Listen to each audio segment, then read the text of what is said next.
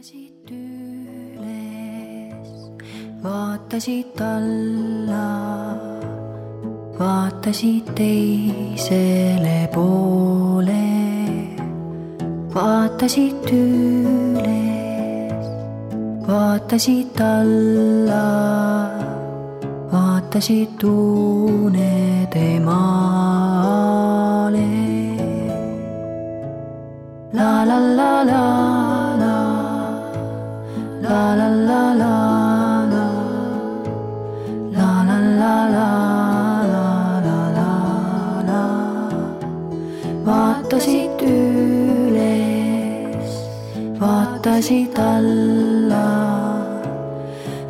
Vaatasid unede maale.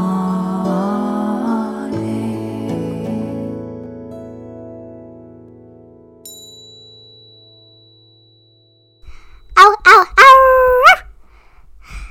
tere, kutsukene, oled õige kutsikas. siin on meil Maria, seitsmeaastane. ja nüüd kutsutud kutsikas. vahel selline kutsikatuju. kas teil ka vahel on kutsikatuju? Kutsikat tuleb ikkagi ka magama panna, eks ole. ja siin on Maria ema, kirjanik Epp Petrone ja ma jutustan täna teile ühest kutsikast. nüüd lõpuks jõuab kätte see õhtu, kui ma räägin teile enda koerast, kelle mina unistasin kokku, väga pikalt unistasin temast ja kui ma olin juba päris suur tüdruk, siis ma lõpuks sain omale koera kutsika. Maria, tule siia minu kaisu, hakkame rääkima kutsikast. kas sa mäletad, mis oli minu kutsika nimi, siis kui ma tema sain lõpuks? me talle nimeks panime, ta oli isane. äh, ta nimi oli Carlos. Carlos, mis värvi ta oli? täitsa valgene, kus silma, kus siniste silmadega. jaa, ta oli valge nagu jääkarukene. ja mis oli tema tõug? kas sa seda tead? ta oli, sellel ajal öeldi laika selle tõu kohta, aga pärastpoole hakati seda ütlema husky.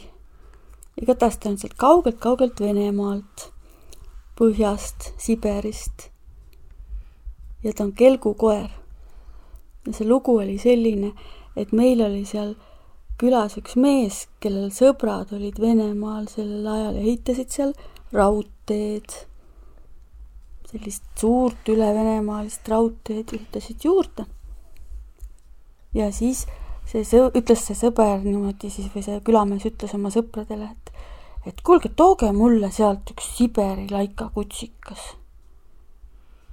ja siis ühel päeval juhtus nõnda, ukse peal keegi koputas ja oligi tulnud tagasi Siberist mees ja kasuka vahelt paistsid nina ja silmakesed, üks valge.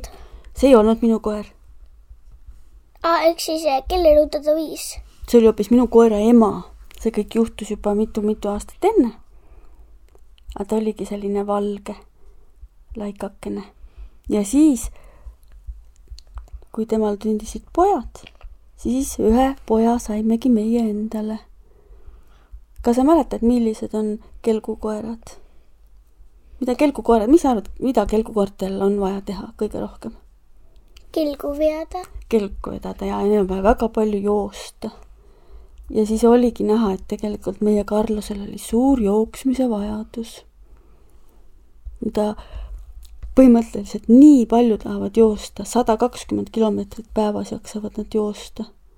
kujutad sa ette, kui palju? see on niimoodi, et ütleme äh,, hakkad Tallinnast jooksma ja jooksed sinna peaaegu et noh, Tartusse välja. ma arvan, et ta ei suudaks isegi Tallinnast Tartusse ühe päevaga joosta.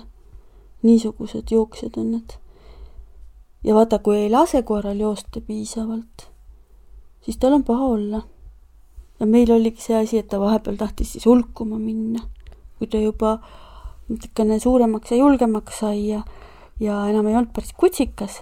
Ta kogu aeg tahtis minna ja joosta kusagile kaugele ja ta oli nagu sõbralik, jooksuhimuline koer.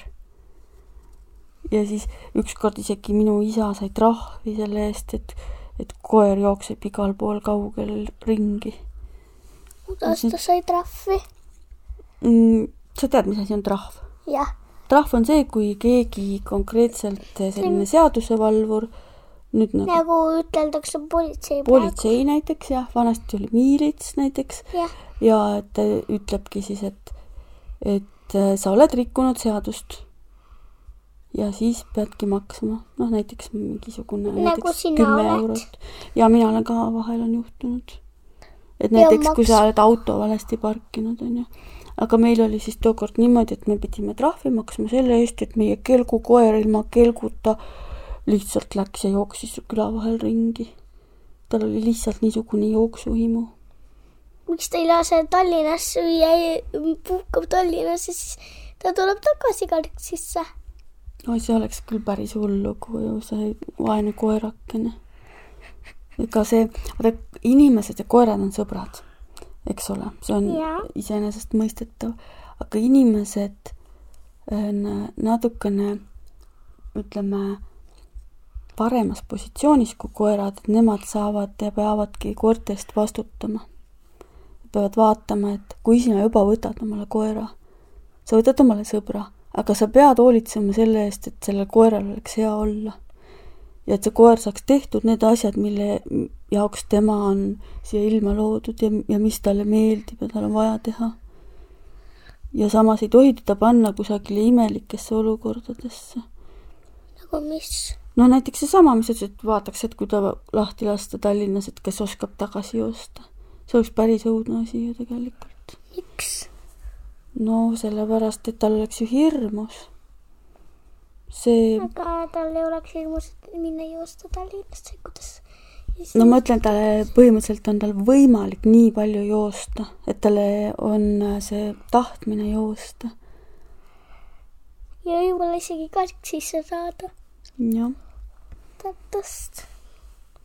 aga samas laikad ei ole eriti valvekoerad, et nendel on just see, et neil on hea külmas ilmas olla ja neil meeldib joosta. sellepärast, et nad on kelgukad. mul tuli meelde üks asi kelgukoertest veel. kelgukoertega koos õnnestus inimestel jõuda Antarktikasse, lõunanabale.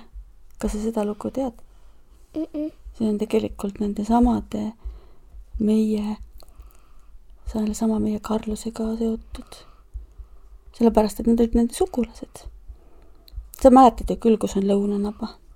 nüüd me läksime hoopiski oma jutuga Karksist, minu lapsepõlvekülast ja Tallinnast väga palju kaugemale. siin planeedil, kui vaadata, meie oleme siin Euroopas ja nüüd me tõuseme praegu õhku ja läheme lõunanabale.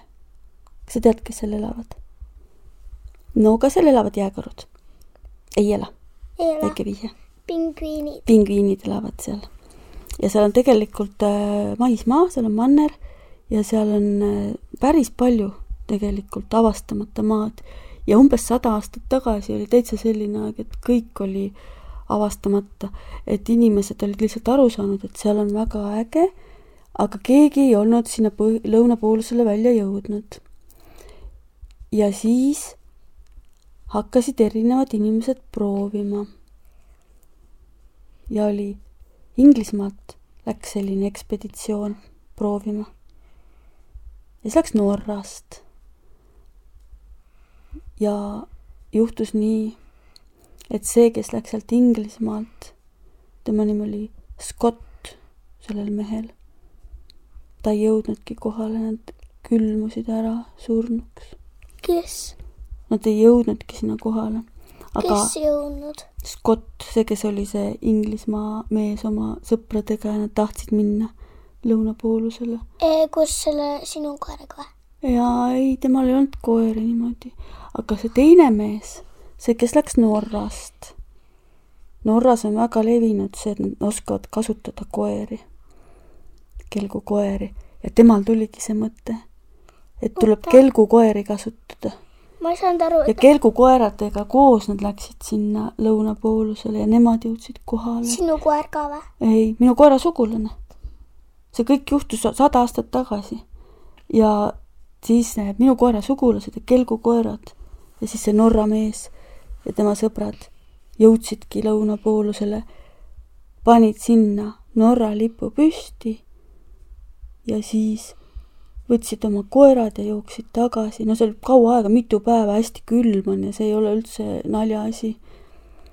ja nemad jäid ellu ja jõudsidki kohale ja olid võitjad. tegelikult tänu koertele. tänu sellele, et nad said aru, et on vaja kasutada seda koera abi. ja siis need koerad olid tegelikult kangelased, aga minul on väga kahju sellest inglise mehest, kes ei saanud mitte kunagi oma lõunapoolusele. isegi suri ära. joo. no eks kõik surevad ära, aga vaata see, et tal ei läinud unistustäide, sellest on kahju. eks ju, aga noh, nii ta on lihtsalt, et selline lugu. Eks neid lugusid on veel palju igasuguseid meie ümber. võib-olla ma räägin sulle homme jälle ühe loo aga praegu paneme silmad kinni ja mõtleme, et kui meie tahame endale koera, siis meie peame mõtlema, milline meie elu on, millist elu me saame oma koerale lubada, onju. jah. Ja siis hakkame edasi unistama ja vaatama, et kas me saame koera võtta. homme räägime jälle koertest, kas tahad? koera juttu koeraune juttu. hea tund kõigile praegu. paneme silmad kinni ja hakkame vaatama koera unenägusid.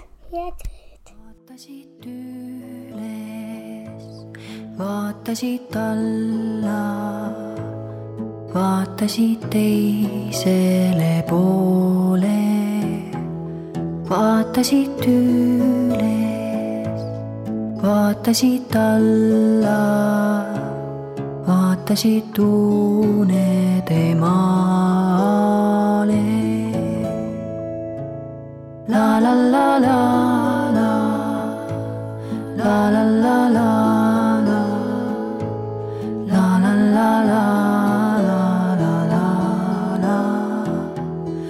vaatasid üles, vaatasid alla, vaatasid tuule.